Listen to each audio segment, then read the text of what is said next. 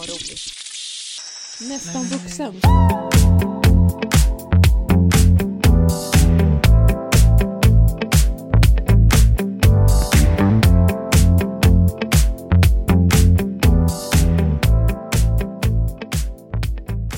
Välkommen förresten till veckans podd. Jag har fått post från Akademikerförbundet. Två brev har jag fått, men jag har inte öppnat något av det. Ska vi, ska vi ha gemensam öppning? Jag har två brev som jag har ett från Easy Park också som känns. Det låter inte kul. Nej, men jag tänkte anledningen till att Och då har jag ändå ingen bil. Så att det här känns ännu jobbigare. Fy fan. Eh, Och Nej, men- Jag måste öppna den medan du är med mig här på distans. ja, men mitt akademikerförbundsgrej har inte jag öppnat för att jag tänkte att jag ska göra en rolig Instagram-post med att jag gör så. Du är en akademiker Hanna. I'm a what? Du är en Ah, akademiker som Harry Potter. Men det kommer ju aldrig ske och så jävla roligt är det inte. Och nu har jag fått två. Men jag undrar vad, vad, vad Akademikerförbundet vill mig? det låter väldigt, eh, det låter proffsigt tycker jag. Ja, oroväckande. Men vi Ja. tar ditt först här. Vad vill Easy Park? Ja, men det var en räkning från när faktiskt Josef stod här så den behöver jag inte tänka på. Eller alltså jag måste ju betala in den såklart men eh, Sen har jag något från Västra Götalandsregionen. Det låter inte kul. Men antingen är det att jag har missat min tid och behöver betala. Det, jag tror ju alltid att det är saker jag måste betala och det är aldrig kul. Men det jag har kommit fram till är ju så här. Att jag får ju ändå lön. Och den Ja. är ju ändå okej. Så. Så att jag ska sluta vara rädd för såna här brev. För jag har pengar att betala. Jag tänker det är inte så att du har tagit ett sms-lån och åkt Nej. till Bali liksom. Nej, exakt. Ja, det är välkommen till ögonmottagningen. 7.45 ska jag dit, det var väl roligt. Det var inte så skoj. Jag står på väntelistan för eventuell skelningsoperation. Oj! Men Mm. gud, kan man få operation för att man skelar? Ja, för att förminska skelningen. Hur, hur gör man då? Alltså det, här, det är det här jag inte är hundra på. För jag har ju fått, jag gjorde ju en sån här operation när jag var, ja, 2004 var det tror jag. Då var jag åtta. Oj, gjorde du? Ja, det gjorde jag faktiskt. Och då, och då, Men gud vad obehagligt, då opererar de i ögonen. jag vet jag hatar ju ögon. Jag med. Det, oh, vad Och jag har ju fått skräckhistorier om vart kniven så att säga åkte in någonstans. Och det är det här jag inte riktigt vet om det var på skämt eller om det är rim, högst rimligt. Det är det här gud, vi får utvärdera nu. Alltså, det, nej men det, det låter ju som att jag är blå, blåögd vill jag säga också. Kul att prata om ögon. Tänkte inte Men jag går ju på vad som helst.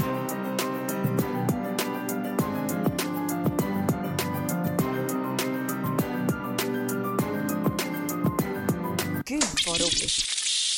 Nästan vuxen.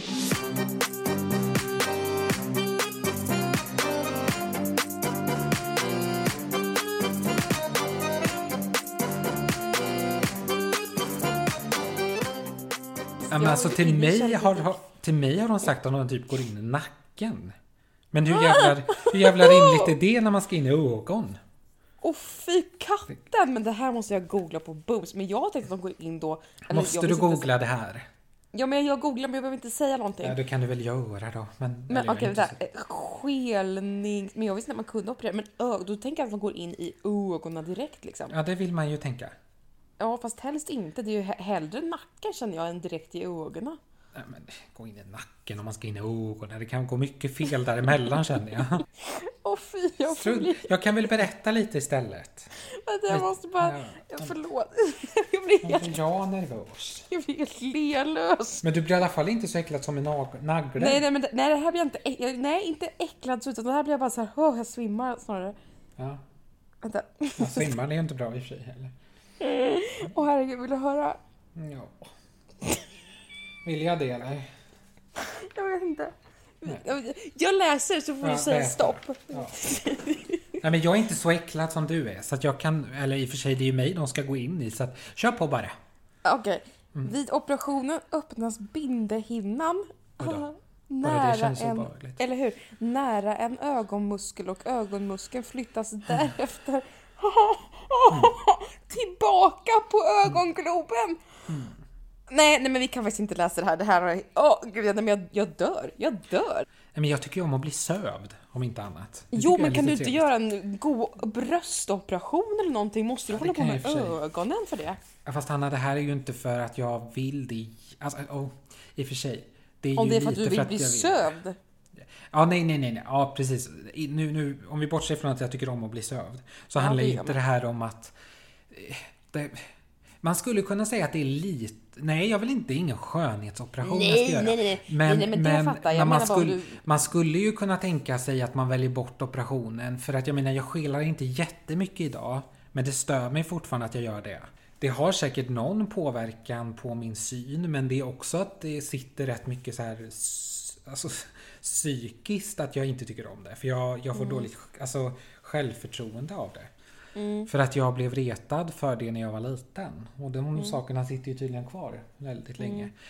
Ehm, så det är nog lite där. Däremot så har jag också sagt att ehm, nu har jag inte riktigt fått svar på det här i och för sig. Men om det är så att det är en överhängande risk för att operationen inte blir bra. Mm. Alltså är risken jag vet inte om jag kan få någon procent på det, men om risken är överhängande att... För problemet är så här. När det kommer till just sådana här operationer. Risken om det blir dåligt, det är typ att ögat går åt andra hållet istället. Så att man skilar utåt. Om det är så att det blir någonting som blir fel. Och då, då kommer man... Jag vet att... Alltså så man skelar mer då?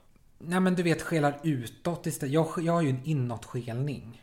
Så att mitt öga åker inåt. Ja, Ena, ena ögat. För jag ser ju bara Ja. på ett öga i taget. ja. Det vet du Jaha, ju. just det, just just det, det gör det. Mm. Men... eh, Ja, jag vet inte. Vi får se hur jag gör. Men känner du när du skelar? Alltså, jag känner... Nej, nej, alltså nej. I och med att jag bara ser på... Alltså det ögat jag tittar på, det är ju alltid rakt fram. Eller beroende på vart jag tittar då såklart. Men det, ju, Mm. det kan jag ju ändå liksom kontrollera lite vart det är. Ja, som alla andra. Det man tittar på. Det är Mm. dit ögat går ju. Men det enda jag kan känna är väl att när jag är trött. Men då är huvudet trött och då vet jag oftast att jag brukar skela. Så det är väl bara att när huvudet är trött så börjar jag skela. Typ. Mm. Mm. Men det är, inget, det är ingenting jag känner att blicken eller att synfältet blir konstigt eller så. Det är, så känner jag inte av det.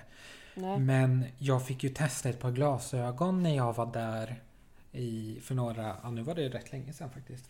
Men när jag var där i våras någon gång så fick jag testa ett par glasögon för att typ få en förnimmelse typ av hur det kan kännas om man har samseende.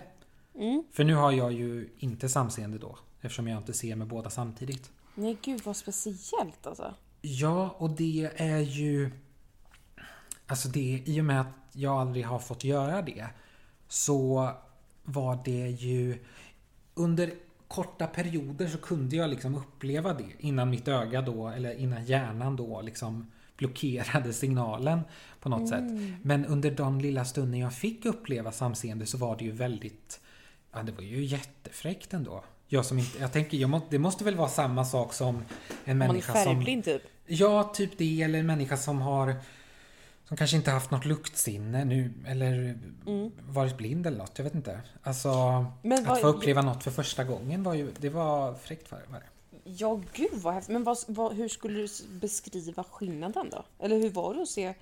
Nej men st- alltså stora skillnaden är väl egentligen bara att allting... Det kändes nästan som att jag var... Ja men enda skillnaden... Du, du, kan, du som kan se på två ögon kan ju uppleva eh, skillnaden. Egentligen. Och det är ju att du bara, att du bara blundar med ett öga så märker du ju också att synfältet blir ju... Man ser ju inte lika, Berätt. b- lika brett nej. Så det var ju en stor skillnad. Att liksom mitt, mitt synfält blev liksom på något sätt bredare. Mm. Eh, men risken finns ju både om man skulle gjort en sån eh, operation men även en sån här vanlig skelningsoperation. Att risken finns att man ser dubbelt. Alltså, Mm. alltså för resten av sitt liv. av Oj, ens liv. och, oj, Och oj, det är ju inte så jättekul. För det, fick, det kände jag av lite grann när jag hade de här glasögonen. Att när min hjärna inte riktigt kunde klara av att se eh, kopplat till samseende, då började jag se dubbelt istället. Mm. Mm. Då var det som att jag såg eh, om jag tittade, för jag, hade, det fanns en tv-skärm i väntrummet. När jag tittade på tvn efter ett tag när min hjärna typ slog om till att inte ha... eh, Det var som att jag såg tv-skärmen lite suddigt på sidan så att jag kunde ana tvn. Mm. Eh, Fast jag, ja, jag vet inte. Det, det var... Så att den risken är ju också... Den är ju nästan viktigare att kunna eliminera än att man skulle skela utåt. Det, är- det är Ja, tråkigt det också men, men eh, att, att man skulle behöva se dubbelt resten av sitt liv det känns ju ännu mer Ja, gud vad jobbigt. jobbigt. Faktiskt ja. Verkligen. Eh, så... eh, Ja, det är väl... eh, Jo, det var det jag skulle säga också. För Mm. att när, vi, när jag gjorde operationen där 2004 då berättade, har pappa berättat i efterhand att jag var sådär det är två lastbilar som är likadana där framme. Han bara oj. Det här är inte bra. Det här är inte bra. Också lille barnet. Ja. Jo.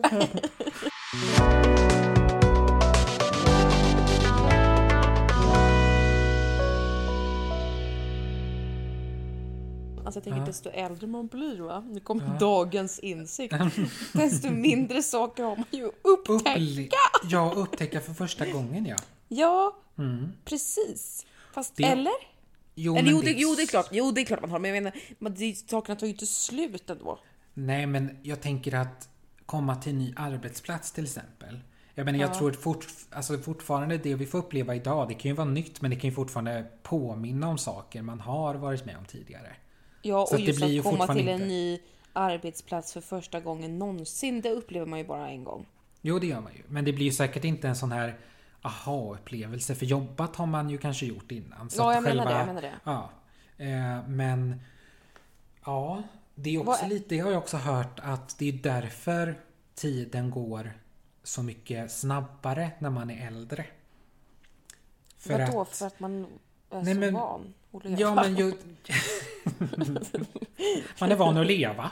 Nej, men alltså när man är barn så upplever man både... Alltså man upplever så mycket nya saker för första gången. Och man lär sig så mycket hela tiden. Alltså det, det gör att när vi, ju äldre vi blir desto mindre saker behöver vi lära oss från början. Och då gör det att saker liksom går lite snabbt. Det hörde jag i ett Vetenskapens Värld. När man men jag om borde det tid. inte vara tvärtom egentligen? Ja, men fråga en gamling hur snabbt det går måndag till fredag. De tycker ju att det är måndag jämt. Det tycker ju visserligen jag också i och för sig. Men ja, jag är ju gammal. Men jag tror ju Ja. att... Nej men Jo. det, Jo, men så är det. Ett sommarlov när man var liten, det var ju ett liv liksom. Nu är det ju Exakt. verkligen inte det. Nej, tyvärr. Exakt. Det, Eh. och sen, så att tipset... Här kommer tips från coachen, som i parlamentet. Nej men då, då man pratar om att, att för att ha ett... Nu kanske man inte vill att tiden ska gå långsamt. Men vill man att tiden ska gå långsamt så är det tydligen ett tips att försöka lära sig mycket nytt hela tiden. Alltså lära sig nya språk eller nya typer av färdigheter. För då får hjärnan... Det föryngrar hjärnan också. Att lära sig nya saker och få liksom när man tänjer lite på den här ut... Alltså hjärnans lärocenter kanske inte heter men du förstår min poäng kanske? Ja, men jag tänker att det borde ändå. Alltså, jag, jag, hör, jag hör vad du säger, jag tror på det. Ja. Men jag tänker att det ändå borde vara tvärtom. För alltså, om man håller på att lära sig nya saker, då är man ju liksom upptagen med någonting. Då, eller om man gör saker, då går ju tiden fortare. Alltså, men om man bara sitter och glor, då går ju inte tiden så fort. Nej, men jag tror om man tänker på det stora, på det stora hela kanske. Jag vet inte. Jag vet inte Jag heller. bara- Vad, Mm. vad, vad känner du att du är så här, det här har jag faktiskt aldrig upplevt för första gången än. För första gången än. Ja. Ehm, oh. Det är ju massa saker. Men om jag ska... En så här, du- men en, en så här rimlig grej då. Alltså inte Rimlig. så här, jag har aldrig hoppat fallskärm, utan någon så här, Fast det är ju i och för sig en grej som man skulle kunna dra upp. Det är ju ändå en grej som säkert kommer vara en väldig aha-upplevelse. ja, absolut. Det, så att det, den snor jag. Den har jag inte varit med om.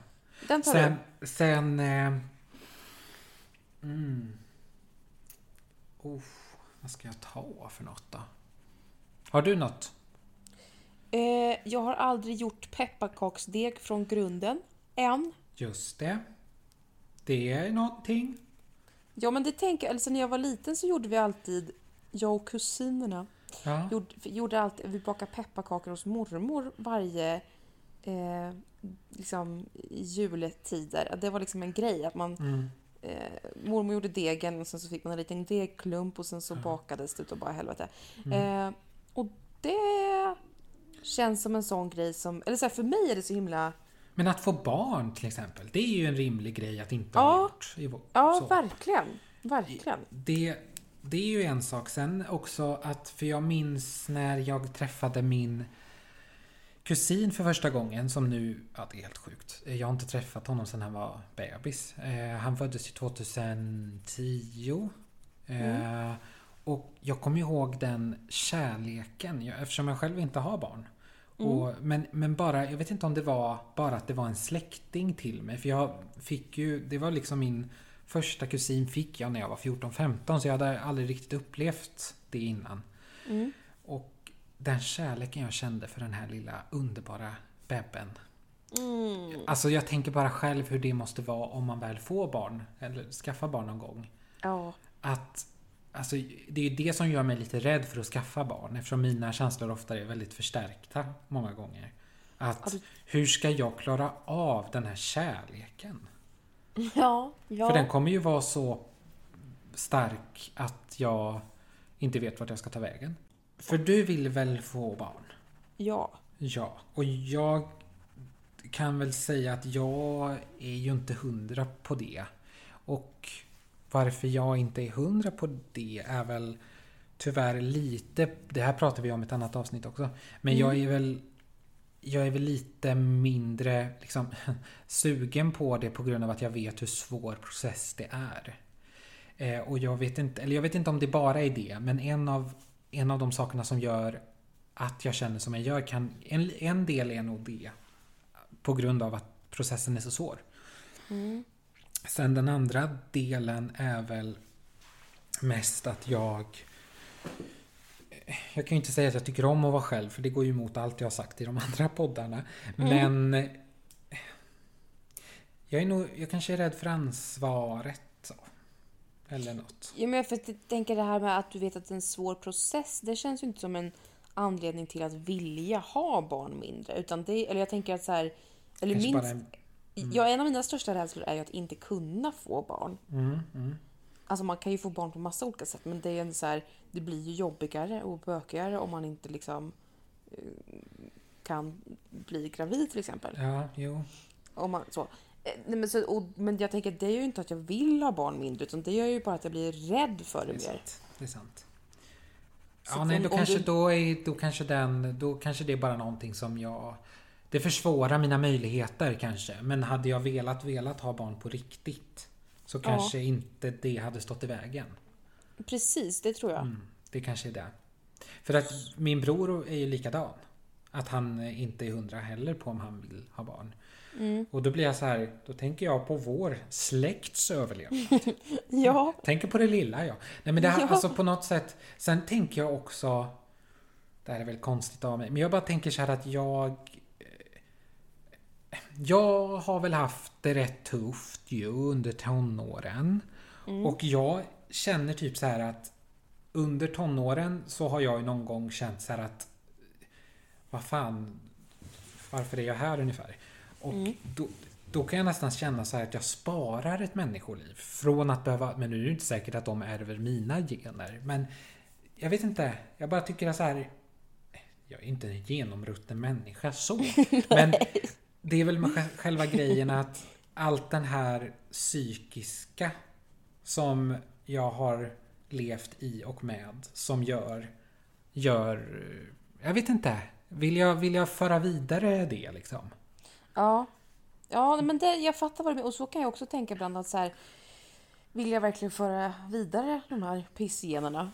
Ja, fast vi har ju inte pissgener enbart. Men vissa av dem, Nej. vissa, vissa karaktärsdrag kanske man önskar att man inte hade. Så kan man väl säga. Ja, men vissa, liksom precis, både psykiska och fysiska drag hade man kunnat bespara ett människoliv. Det kan jag Mm. ja, känna. visst. Men, eh, men där är nog jag mer egoistisk, för jag tänker att jag liksom... Ja. Alltså, jag Alltså, skulle... sen vill, nu vill jag inte ha barn. Alltså nu Nej. har jag ju insett att nu, nu ska jag göra massa andra Just saker. för stunden. Men, mm. Mm. Ja, Men jag tänker, man, kan också, man kan vara förälder på massa olika sätt också. Man kan, jag har alltid velat ha fosterbarn. Alltså, det Mm. kommer ihåg att jag skrev ner när jag var typ så här 15 eller något. Mm. Jo, men, jo men såklart, det kan man ju bli. Och det är väl inte någonting som man kanske ska... Jag vet inte... Det... Kanske inte blir det imorgon då, men... Nej, men det hade väl- vårdcentralen, farvel. Välkommen.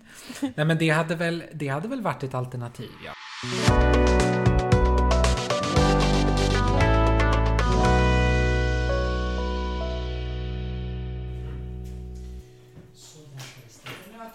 Varv.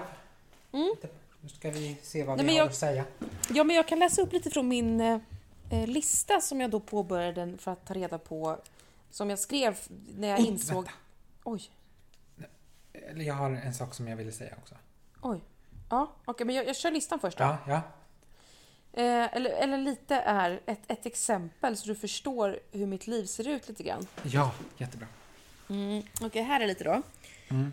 Eh, ska göra något på kvällen. Error hela dagen. PG- PGA trött och ska vara pigg på kvällen, vilket gör att jag blir trött hela dagen. Ska beställa Nocco. Alltså jag brukar beställa Nocco-flak med min favoritsmak. Mhm. Ska beställa Nocco innan jag går till tunnelbanan. Min smak har gått ur sortimentet. Blir ledsen och vill stanna hemma och gråta. Samtidigt som en sorglig låt kommer igång på min Spotify-lista som heter En helt vanlig tjej. Alltså listan heter En helt vanlig tjej. Ja. Där jag brukar lägga in liksom glada låtar för att jag blir så påverkad av musik. Men nu är det då Noccon ut ur sortimentet och den här ledsna låten kom på. Så då blir jag vemodig och mega error och ledsen och vill bara krypa ner i sängen och gråta. Men jag gör faktiskt inte det. Jag, kommer iväg. Ja, så, såna här. Mejlat på jobbet. Får ångest i väntan på svar. PGA tänker på allt med mejlet som skulle kunna uppfattas som konstigt och efterblivet och hur jag uppfattas som en idiot.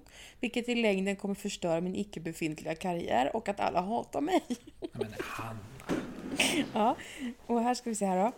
Eh, mm, mm, mm. Ska hitta inspirerande föreläsare till jobbet genom Youtube men hittar istället videos med katter som blir skrämda av gummiormar samt klipp från Kalmars friluftsteater 2008. Åh, Det hamnar jag på. det hamnar du på. Ja. Ringer ett enda samtal efter att ha laddat i 40 minuter och känner mig så jävla duktig att jag tänker att jag är klar för dagen. eh, ja, ja, det var det. Ja. ja, men vad... Eller det, Ja, den är, den är jag- lång den här listan, men jag- det var lite smakprov. Jag tycker att det är fascinerande ändå att du har kunnat följa, alltså att du så pass bra kunde alltså följa ditt tankeflöde. Ja, eller hur Det- menar du då? Nej men alltså att du kunde, att du fick ner allt det här i text. Alltså Jo, blir, men- jag, blir jag distraherad och börjar... Det är ju knappt som man kommer ihåg vart man började då. Nej men det som är så skönt för det här, jag inser att jag är så behov av konkreta saker. Det här är väldigt Ja. konkret. Någon säger åt mig, skriv ner när, du, när du får error liksom, eller när Ja. det blir så här. Ja. Eh, eh, och då är det så, så, skönt, för då när jag får error, då vet jag konkret vad jag ska göra. Skönt, ska jag skriva ner och då, då blir det också ett flyktbeteende för då fokuserar jag ju mer på att skriva än det jag håller på med.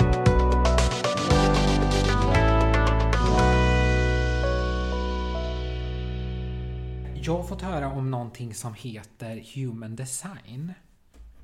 Och det här är så fräckt alltså. Eh, Human Design, det är alltså ett system eh, som hjälper individer att förstå deras unika personlighet, eh, bestämmande process och life purpose. Det- Men gud vad spännande. Och liksom nyckeln, the key components eh, of R. Ja, jag vet inte varför det står det off R. Men i alla fall, så det här är alltså en blandning då av lite så här modern, moderna influenser och mer gammaldags eh, influenser. Så det man gör då egentligen är att man eh, det är nu ni tror att det blir lite scam här. Men man matar in sina personuppgifter, inte personuppgifter. Man skriver när man är född, vilket, vilket klockslag och stad och så. Eh, sen får man alltså upp då en, en eh, typ av karta på kroppen. Och i vår kropp så finns det någonting olika portar inom olika områden. Alltså det finns, lite som man pratar om chakran, nu är det inte riktigt samma sak. Det finns ett antal portar i hjärnan. Eh, I någonting som kallas för ashna, det är typ så här tredje ögat. Är det emellan i pannan? Ja, precis. Och sen har vi något som sitter i magen och så har vi solarplexus. Och på varje sånt här område så finns det då ett antal olika gater, portar, som har olika nummer på sig. Och är de aktiva, de gatarna, så betyder det egentligen att då är du som människa liksom programmerad, skulle man kunna uttrycka sig, på ett specifikt sätt för att de är aktiva och påslagna på något vis. Är de inte aktiva eller påslagna så gör det dig mer kanske flexibel i hur du tänker på vissa olika sätt. Ehm, För mitt, i mitt fall så, jag ska få upp den här. Men vadå, att vara flexibel behöver väl inte bara... Nej men det kan så. nej, Det men är ju bra. Jag ska, jag ska läsa. ehm, jag ska läsa här. Nu ska vi se. Mm, mm, mm, mm. Ja, det är jättebra att vara flexibel. Men jag ska läsa. Jag, ska- jag, inte ska, till jag, förbannelse då, men... ja, men jag ska läsa hur, hur det kan te sig. Så att säga. Gud vad spännande. Ja. Nu ska vi se. Så i mitt fall så betyder det här till exempel då att i... Eh, Vi måste se. Jag är tydligen en generator. Det är min personlighetstyp. Har man lite övergripande. Eh, och det verkar som att det är, om jag nu har fått min eh, födelsetid rätt, jag tror att jag är född 952. Det verkar som att det är 70% av befolkningen som är just den här typen och det kände jag fan vad tråkigt. Men det verkar som att de har ett, alltså generat, generator type is one of four primary types in human design.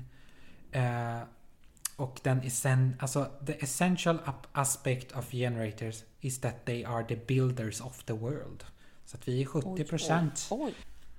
Alltså vadå, om, om, mitt... Eh, om jag har en portal i magen säger vi då. Du, du har ett, ja, portal i magen har vi alla. Ja, Men, vi men olika det. Så- siffror upp till 64. Aha. Man har 64 olika portar. Och de här portarna, precis. och de här portarna kan vara avstängda eller påslagna. En av portarna jag har i magen då säger vi, Ja. då är det så här att om den är öppen så, så blir jag på ett visst sätt men skulle den vara stängd så blir jag på ett annat sätt. Eh, ja precis, exakt. Eh, nu ska vi se. Men hur vet man det här? Eller jag, Ja men det är det här jag ska, jag ska läsa nu. Jag ska läsa vad det står för mig till exempel. Ja. Eh, för då finns det ju, för mig så är det ju så att jag har som sagt på det här med tredje, tredje, där tredje ögat sitter så har jag inga aktiva portar. Så här. With an undefined ashna you might feel a constant pressure to figure things out. To find answers and having to be certain. Your ashna is open and receptive, alltså den är mottaglig för, för andra typer av, alltså för, för flera olika typer av idéer. Medan en person som har en definierad ashna gate kanske är mer liksom bestämd i, i det här sättet då, kanske att tänka. Medan jag är mer öppen, så det är lite fint men det kan också ge mig problem. Eh, Ja, det, okej, står här, det står här att Able to see multiple perspectives at once. You have wisdom around which ideas have value. Okay. Ability to challenge others to get to get clear on their own concepts. Make sure you carve out space to shut down when mental energy isn't available. Det kan göra också då att man blir rätt trött i och med att man inte kanske har en färdigstöpt i, eh, koppling i hjärnan för hur man ska tänka på eller göra vissa saker. Medan andra personer som har mer av detta eh, det kanske inte tar lika mycket tankekraft för, från dem. Och det tycker jag ändå makar sense lite grann. Ja, verkligen. Men det, ja, det skulle make sense för mig också. Ja. Men jag bara tänker typ så här, för nu... Det här är baserat på typ, alltså som när man skickar efter typ personliga horoskop så att du har skrivit i Precis. vad du döptes till. Nej, inte vad jag Eller? döptes till utan mer vart, Eller- vilken döpt, men alltså vad- tidpunkt jag är född och vilken stad jag är född. För det har att göra med stjärnornas placering på himlen, månen och solens position. Och det här är också, if you have Om man har en odefinierad eller öppen ashna center you might feel the pressure to be certain. Yet that's not what's what you're here for. Allow yourself to be flexible. Men det är jag ju. Tycker jag väl. Men vad, vad är certain? Säker alltså. Ja, ja just det. Eh, nu ska vi se. Just det, precis. Vad ocertain jag var där. Verkligen. Det som är intressant med den här human design är ju då att man kan lite baserat på vilken, alltså hur man är funtad för att vara, för att använda ett sånt begrepp, så kan man Mm. också lite lära sig Tydligen kan man inte ha mer än ett visst antal portar aktiva. Vi har alltid ungefär ett visst antal samma portar i antal. Men man kan, om man lär sig lite grann om human design, så kan man då lära sig lite att på de sakerna man inte är så bra på då, enligt de här, eh, det här systemet eller så, så kan man lära sig lite hur man ska copa med just de grejerna. Och att man då genom att få det här så svart på vitt som det ändå blir, lära sig att hitta strategier för att övervinna eventuella svårigheter. Så jag känner verkligen att Ja. jag kommer vilja läsa mer om det här. Och Ja, men det, Det- låter väldigt spännande faktiskt. det är lite därför också det kallas för human design. För man kanske kan lära sig att eh, ja, hitta vägar runt saker som man tycker är svårt. Nu lät det ju verkligen som att jag är helt stängd där uppe i hjärnan.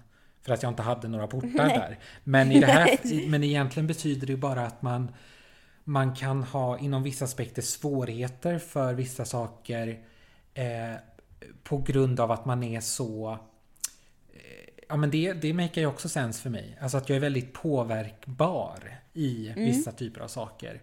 Men det gör också att jag är Det positiva är väl då att jag är rätt öppensinnad för olika typer av lösningar när det kommer till att ta beslut eller förstå människor. För det låter ju som en, liksom en version av astrologi typ. Ja men det har ju, det har ju astrologi i sig. Ja. Så att, men till exempel här då så betyder det om jag har, här har jag en port som är, då läser jag om gate 34 och då är det tydligen då Gate 34, also alltså known as the Gate of Power, is found within the sacral center, jag vet inte vad sacral betyder, in the human design system. This gate is associated with the manifestation of personal power and vitality. In personal relationships, gate 34 brings a dynamic and energetic presence. Individuals with this gate in their human design are often seen as strong, dependable and assertive, vet inte vad det betyder, partners. They have the power to take charge and lead, which can make them attractive to those who value strength and assertiveness in a relationship.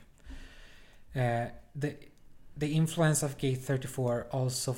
Projektorer, står det på svenska, är kända för sin djupa visdom och sin förmåga att Oj. vägleda och styra andra.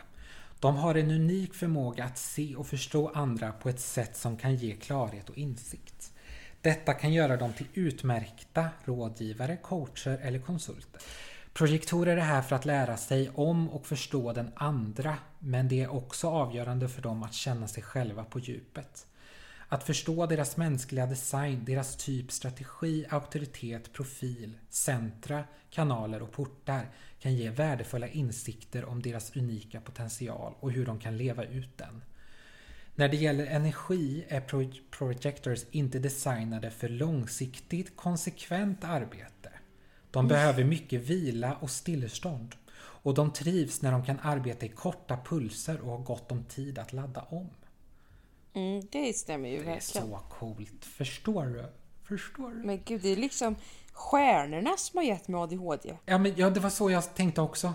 Projektorer ger en unik dynamik till relationer. Med sin djupa förståelse för andra och sin förmåga att se saker som andra ofta missar kan de erbjuda värdefulla insikter och vägledning till sina partners. Men de måste också uppmärksammas och värderas för sina bidrag. Som projector, jag måste säga projector för jag kan inte säga projektor, det låter som en sån där som man har i taket. Projektor. Ja, som en pro- som projektor. Är det viktigt att ha relationer med människor som känner igen och uppskattar eh, de unika gåvorna.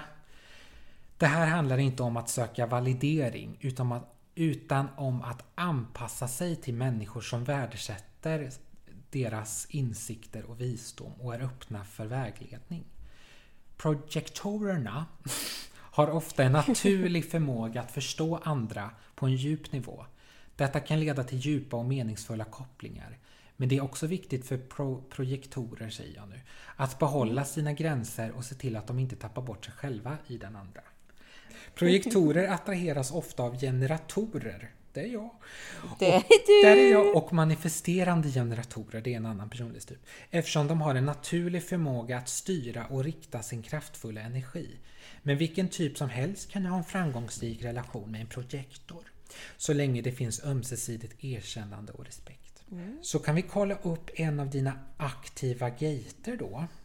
Till, Ja. till exempel. Där kan vi ju se att du har Just det, här har vi två stycken eh, områden där du inte har några aktiva eh, gater.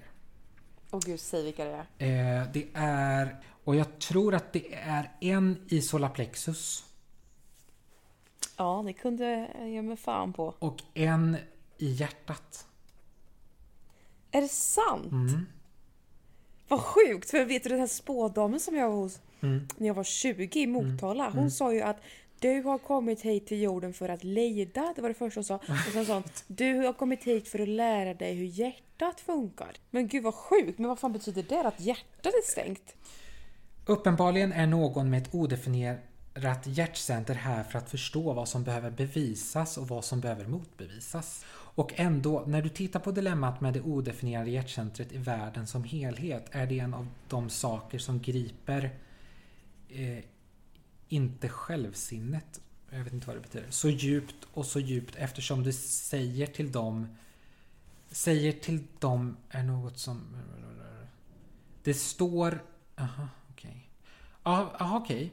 Det står från ögonblick de kom till världen. Du är inte värdig, du är inte en tillräckligt bra person. Okej. Alla dessa varelser som går runt med odefinierade hjärtcentra hanterar alltid detta problem. Är jag verkligen en adekvat varelse? Är jag en bra person? Och försöker alltid bevisa det. Och naturligtvis är det, är det detta som bevisar det som leder till det stora missbruket av inte-självet. Jag vet inte vad det betyder riktigt. Vilket Nej. är att vara beroende av det man inte är. Okej? Att bevisa att du är värdig innebär att göra saker som du inte vill göra. Att göra dem för människor du inte vill göra dem för. Och att göra dem bara för att du har den här otroliga pressen på dig från det öppna hjärtcentret. Det trycket som inte självet ger till sinnet. Trycket som säger att vi måste säga ja. För om vi inte gör det kommer det inte att tro att vi är bra människor. Eller att vi är anständiga eller att vi bryr oss. Eller alla de saker som kommer att påverka ens känsla av värdighet. Hela denna fråga om värdighet är något som är en pest på planeten och det leder till djupet av inte-självet i detta oändliga sökande som människor har efter en variant av sig själva som de tror att de kan hitta där ute.